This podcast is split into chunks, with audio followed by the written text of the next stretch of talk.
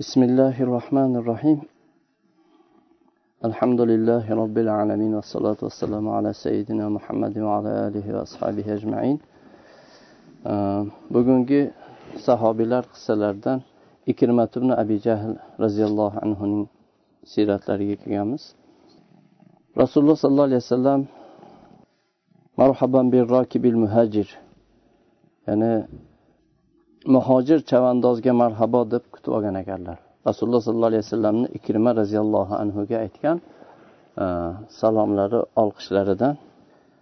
Ikrima roziyallohu anhu o'zini umrini hmm, uchinchi o'n yillikning oxirlarida ya'ni o'ttizga yaqinlashgan o'ttiz yoshga yaqinlashganlarida rahmat payg'ambari hidoyat va haq da'vatini ochiq qila boshlagan edilar.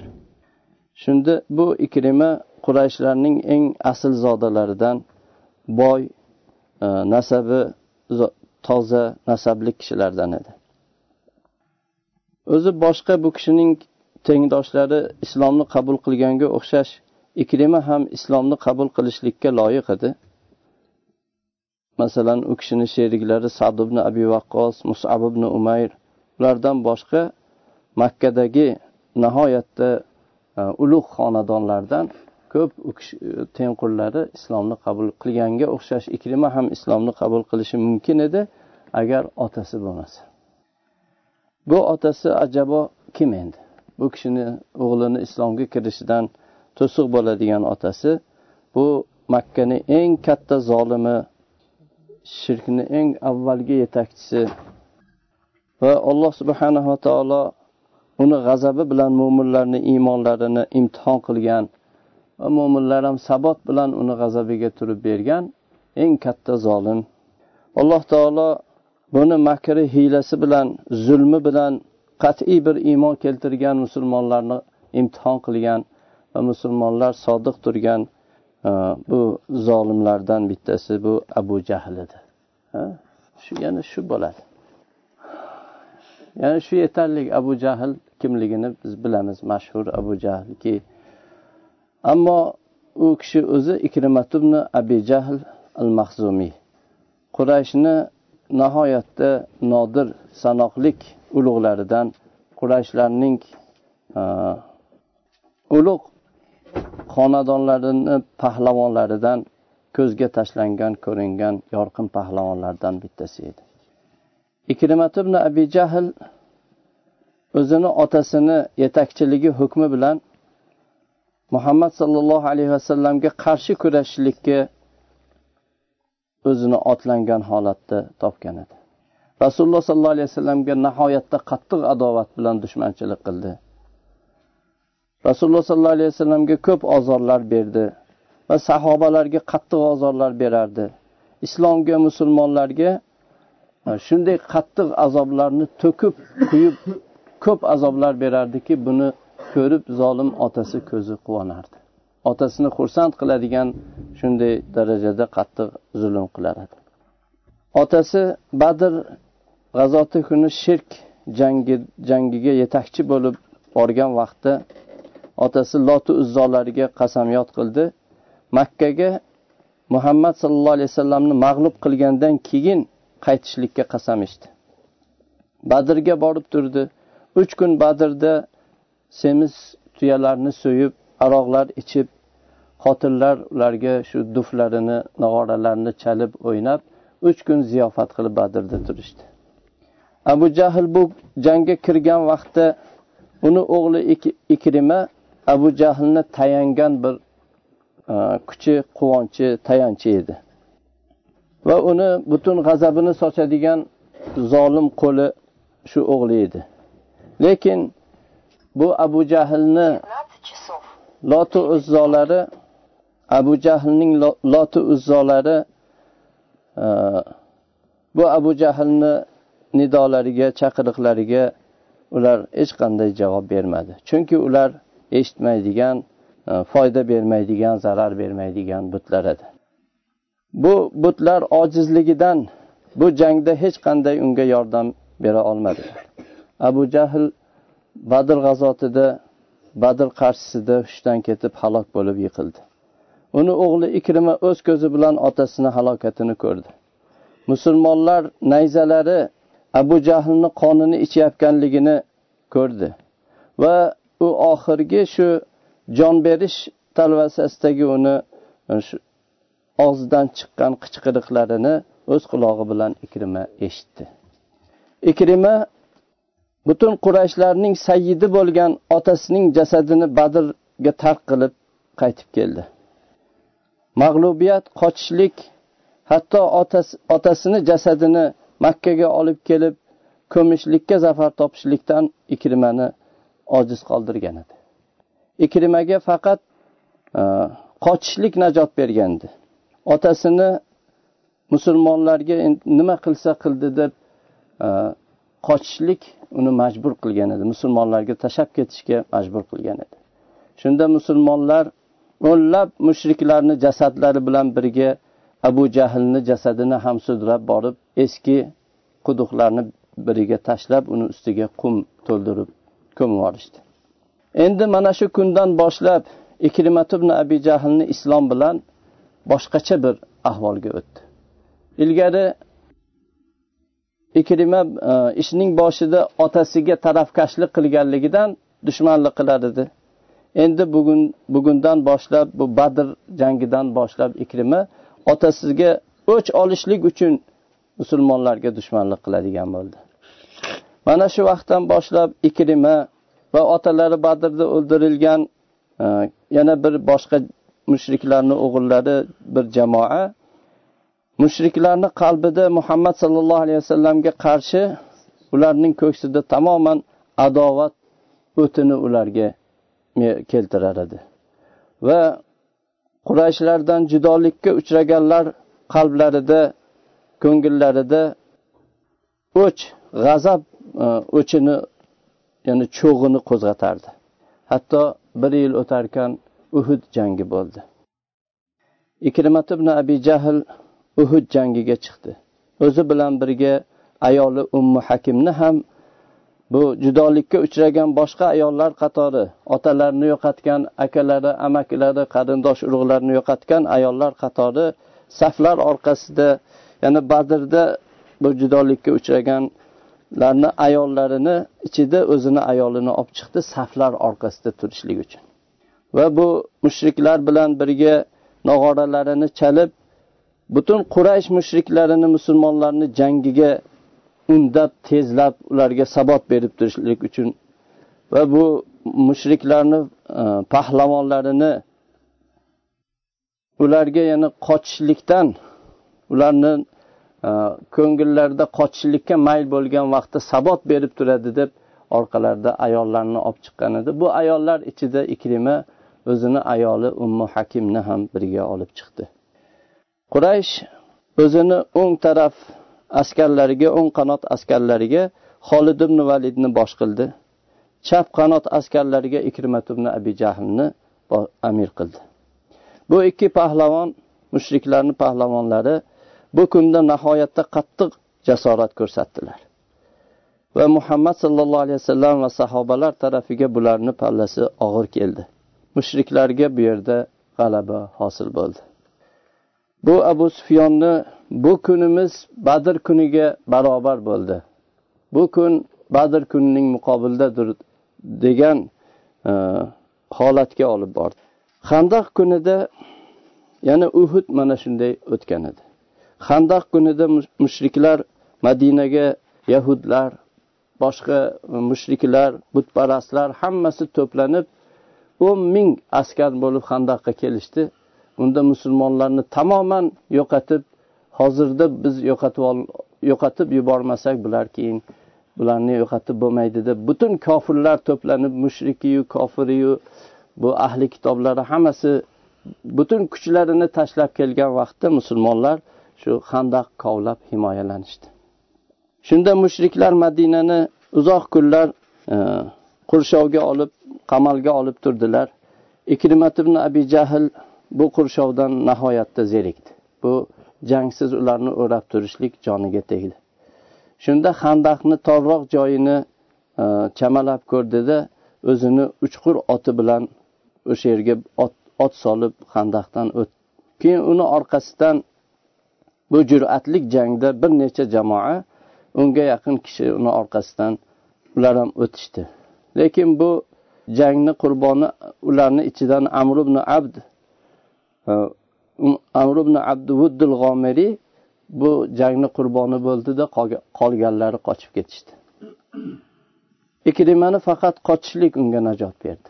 Qochib qutuldi fathi makka kunida qurayshlar endi muhammad sallallohu alayhi vasallamga va sahobalarga hech qanday kuchlari qudratlari yetmasligini ular tushunib yetgan edi. Shuning uchun ular makka yo'lini tamoman rasululloh sollallohu alayhi vasallamga xoli qo'yishlikka qaror qilishuvdi. Bularni bu qarorni olishiga rasululloh sollallohu alayhi vasallam o'zlarini e, qo'mondonlariga bosh e, amirlarga ahli makkadan faqat urush qilgan kishilarga urush qilishlikni buyurganliklari ham ularni shu taslim bo'lib yo'lni xoli qo'yishga majbur qilgan edi. Lekin ikrimat ibn abi jahl va ikrima bilan bir qancha jamoat qurayshlarni bu qaroriga qarshi chiqishdi. Va ular bu katta e, islom askariga qattiq bel bog'lab bunga qarshi chiqishdi. Holid ibn valid roziyallohu anhu kichkina bir jangda ularni mag'lub qildilar. Bunda ulardan o'ldirilganlar o'ldirildi. Qolganlari imkoni bo'lsa qochishga qochib qutulishdi.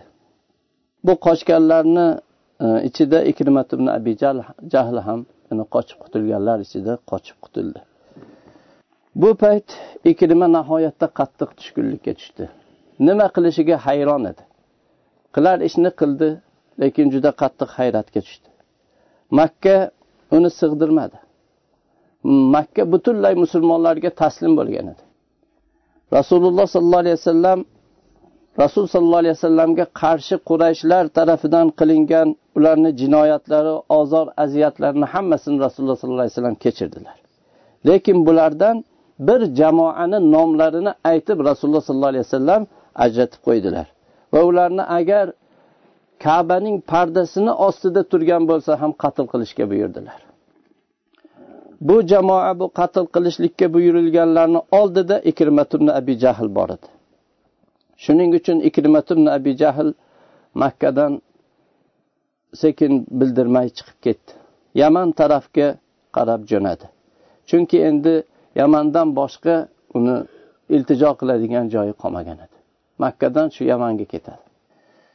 Shu vaqt ikrimaning ayoli ummu hakim va abu sufyonning ayoli hind binti utba rasululloh sollallohu alayhi vasallamni uylariga o'zlari bilan birga o'nlab ayollar bilan payg'ambar sallallohu alayhi vasallamga bay'at qilishga ular kelishdi. Rasululloh sollallohu alayhi vasallamni oldilariga kirishdi. U zotni oldilarida ayollari ayollardan onalarimizdan ikkalalari ikkitalari va fotima roziyallohu anhu qizlari va bani abdul muttalib rasul sollallohu alayhi vasallamni shu o'zlarini qavmlaridan qarindosh ayollardan bir qanchasi bor edi. Hind kirib bu ayollar oldida borib yuzini niqob bilan o'rab o'zini tanitmasdan borib bu gap boshladi. Aytdiki ya rasululloh sollallohu alayhi vasallam olloh o'ziga tanlagan bu dinni g'olib qilgan bu e, dinga yordam bergan ollohga hamd bo'lsin dedi. Men sizni shu qarindoshlikni yaxshilik bilan bog'lashligingizni sizdan so'rayman dedi. Men mo'min iymon keltirgan va tasdiqlagan ayolman dedi. Keyin yuzini ochib man hind binti utbaman ya rasululloh dedi. Rasululloh sollallohu alayhi vasallam unga xush kelibsan dedilar. Marhabo dedilar. Shunda aytdiki hind yo rasululloh yer yuzida sizni xonadoningizdan ko'ra xor bo'lishi menga suyumliroq bo'lgan xonadon yo'q edi sizni oilangizni xor bo'lishini shunday yaxshi ko'rar edim endi sizni yer yuzida sizni xonadoningizdan ko'ra sizni oilangizdan ko'ra yer yuzida azizroq bo'lishligi menga suyumliroq bo'lgan xonadon yo'qdir dedi. Rasululloh sollallohu alayhi vasallam bundan ham ortiq dedilar. Keyin ummu hakim ikrimat ibn abi jahlni ayoli turdi. Islom islomni qabul qildi va rasululloh sollallohu alayhi vasallamga ya rasululloh ikrima sizdan qo'rqib siz qatl qilishingizdan qo'rqib u yaman tarafga qochib ketdi. Unga omonlik bering olloh sizga omonlik bersin dedi. Rasululloh sollallohu alayhi vasallam huva amin dedilar. U amondadir dedilar. Shu vaqtdan boshlab ayoli ikrimani talabida chiqib ketdi. Uni bir rumlik quli ham birga yo'lda ya'ni hamroh bo'lib chiqdi. Ular uzoq yo'l yurgandan keyin bu rumlik qul bu ayolga tajovuz qilishni xohlab uni e, o'ziga istadi. Shunda bu ayol uni umid qildirib shu e, cho'zib bordi.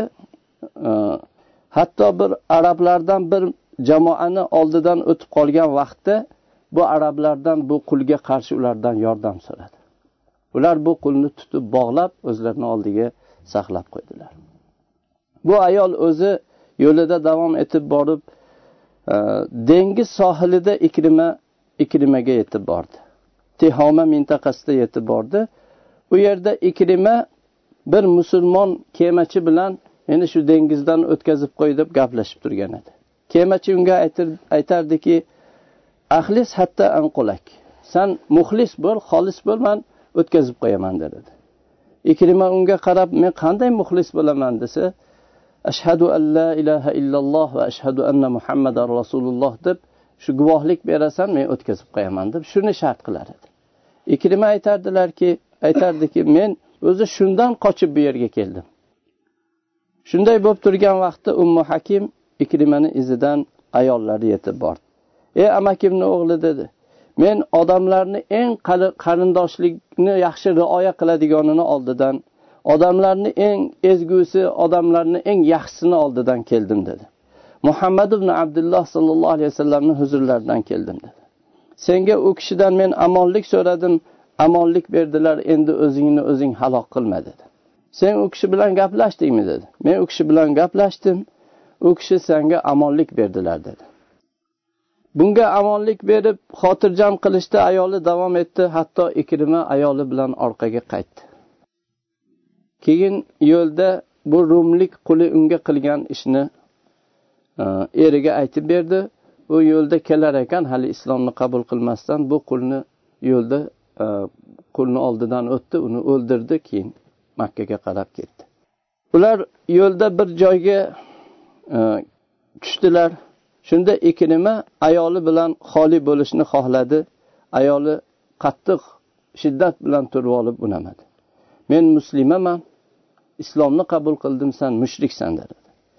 Shunda iklimani tamom bir ajablanish unga uni egalladi. Aytardiki sen bilan men meni o'rtamizda xoli bo'lishni to'sayotgan ish bu haqiqatdan bir buyuk ishdir dedi. Ikrima makkaga yaqinlashgan vaqtda rasululloh sollallohu alayhi vasallam ashoblar roziyallohu anhuga ikrimat ibn abi jahl muhojir bo'lib mo'min bo'lib keladi. Uni otasini haqorat qilmanglar. O'lganni haqorat qilishlik o'likka yetmaydi tirikka ozor beradi dedilar. Ozginadan keyin ikrima va ayoli rasululloh sollallohu alayhi vasallam o'tirgan joyga yetib keldilar. Rasululloh sollallohu alayhi vasallam ikrimani ko'rgan vaqtlarida ustilariga rido kiymay shu ichki kiyimlarida shoshilib e, olqish aytib ya'ni marhabo deb rasululloh sollallohu alayhi vasallam xursand bo'lib turdilar. Shunda ikrima roziyallohu anhu kelib to'xtab ey muhammad dedi sallallohu alayhi vasallam ummu hakim bu ayolim menga xabar berdi siz menga omonlik beribsiz dedi. Rasululloh sollallohu alayhi vasallam rost aytibdi sen omonsan dedilar. Shunda ikrima meni nimaga chaqirasiz? deb so'radi. Rasululloh sollallohu alayhi vasallam ollohdan boshqa haq ma'bud yo'q deb guvohlik berishligingga va meni ollohni bandasi ollohni rasuli deb guvohlik berib namozni qoyim qilishingga chaqiraman zakotni ado etishingga chaqiraman deb islom rukunlarini hammasini sanab berdilar. Ikrima ollohga qasamki siz haqqa chaqirdingiz yaxshilikka buyurdingiz dedi. Keyin davom ettirib aytdiki allohga qasamki siz bizni ichimizda shu da'vat qil bu da'vat qilgan narsangizga da'vat qilishdan oldin ham bizda eng so'zi rostrog'i va eng ezgurog'imiz yaxshi yaxshi yaxshilarimizdan edingiz dedi. Keyin qo'lini uzatdi. Ashhadu an la ilaha illalloh va ashhadu annaka abduhu va rasuluh deb shahodat keltirib islomni qabul qildi. Ollohdan boshqa haq ma'bud yo'q. Siz ollohni haq payg'ambarisiz dedi. Yo rasululloh menga bir narsani o'rgating men aytadigan bir narsani o'rgating dedi. Ashhadu an la ilaha illalloh va anna muhammadan abduhu va rasuluh deb aytdilar. Keyin nima deyin dedi. Rasululloh sollallohu alayhi vasallam ollohni guvohlik qilaman va shu yerda hozir bo'lganlarni guvohlik qilamanki men musulmonman mujohidman muhojirman deb aytasan dedilar. U kishi shuni bajardi. Shunda rasululloh sollallohu alayhi vasallam endi bugungi kunda men beradigan men biror kishiga beradigan nima so'rasang men qaytarmayman beraman senga dedilar. Nima mendan istasang shuni bering desang men senga beraman dedilar. Shunda ikrima aytdilarki sizdan men sizga dushmanlik qilgan va sizni sizga dushmanlik qilgan har bir dushmanlikniga shu e, kechirishingizni yoki sizga qarshi shu yurgan har bir yo'ldagi shu qilgan ishimni yo sizga yo'liqqandagi har bir o'rinni yo sizni yuzingizga yo siz yo'qligingizda sizga qilgan so'z yomonliklarimni yomon so'zlarimni kechirsangiz men shuni so'rayman dedi. Rasululloh sollallohu alayhi vasallam yo olloh ikrimani menga dushman qilgan dushmanligini o'zing kechirgin va u yurgan yo'llaridagi qilgan ishlarini va seni nuringni so'ndirishlik uchun u xohlagan har bir o'rindagi ishlarini kechirgin va meni yuzimga yoki yo'qligimda meni nomusimga obro'yimga aytgan so'zlarini kechirgin deb duo qildilar. Shunda ikrima roziyallohu anhuning yuzlari yorishdi. Xursand bo'ldilar. Aytdilarki endi ollohga qasamki yo rasululloh men ollohni yo'lidan to'sishlikda infoq qilgan nafaqani qoldirmasdan undan bir necha barobarini endi olloh yo'lida sarflayman dedi. Ollohni yo'lidan to'sishlik uchun kirgan janglarni birortasini qoldirmasdan undan bir necha barobar qilib endi ollohni yo'lida jangga kiraman dedi. Mana shu kundan boshlab ikrima roziyallohu anhu ya'ni bunday mm, qahramon chavandoz pahlavon jang maydonlarida shu da'vat karvoniga qo'shildi. U kishi qattiq ibodatga berilgan kechalari e, kechani qoim qilgan alloh subhanava taoloni kitobini masjidlarda doim kitobini o'qigan mana shunday bir e, karvonga qo'shildilar. U kishi qur'onni yuziga qo'yib yig'lar edi. Robbimni kitobi robbimni kalomi deb olloh ollohdan qo'rqib u kishi ho'ngrab yig'lar edi. Ikrima rasululloh sollallohu alayhi vasallamga bergan bu ahdlarida sodiq qoldi. Musulmonlar bu ikrimani islomga kirganlaridan keyin qaysi jangga kirgan bo'lsalar ikrima roziyallohu anhular bilan birga shu jangda qatnashdilar. U jangni avvalida qatnashdilar. Yarmuk jangida ikrima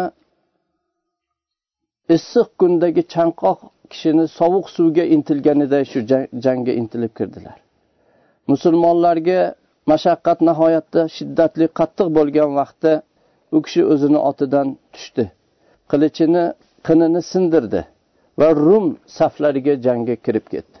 Buni ko'rgan holid ibn valid shoshilib keldilarda ey ikrima bunday qilmang dedi. Bu sizni e, qatl etilishingiz musulmonlarga nihoyatda qattiq bo'ladi bunday qilmang deb xolid qaytardilar. Shunda ikrima aytdiki ey xolid meni o'z holimga qo'ying. Siz rasululloh sollallohu alayhi vasallamdan mendan ilgari mendan ilgari islomni qabul qilgan sobiqangiz bor dedi.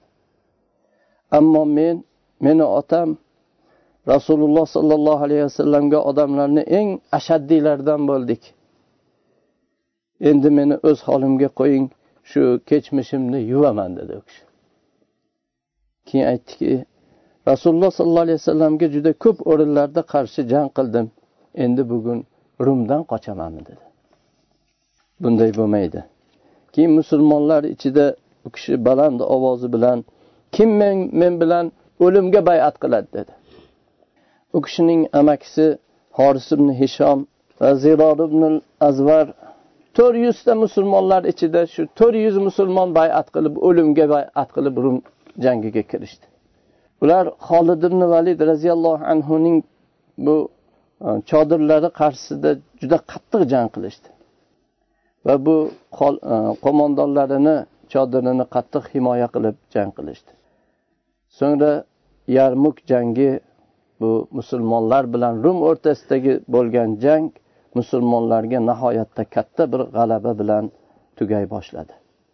Shunda yarmuk yeri jang maydonida uchta mujohid e, ularni ko'p jarohatlar yiqitib qo'ygan uch kishi jang maydonida yotar edi. Horis ibn hishom ayyosh ibn abi rabia ikrimat ibn abi jahl.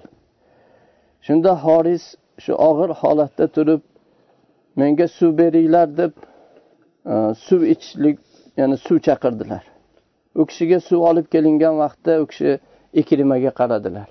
Qarab bu ikrimaga olib bor dedilar ikrimaga olib borishuvdi ikrima ayyosh roziyallohu anhuga yonlaridagi sheriklariga qaradilar.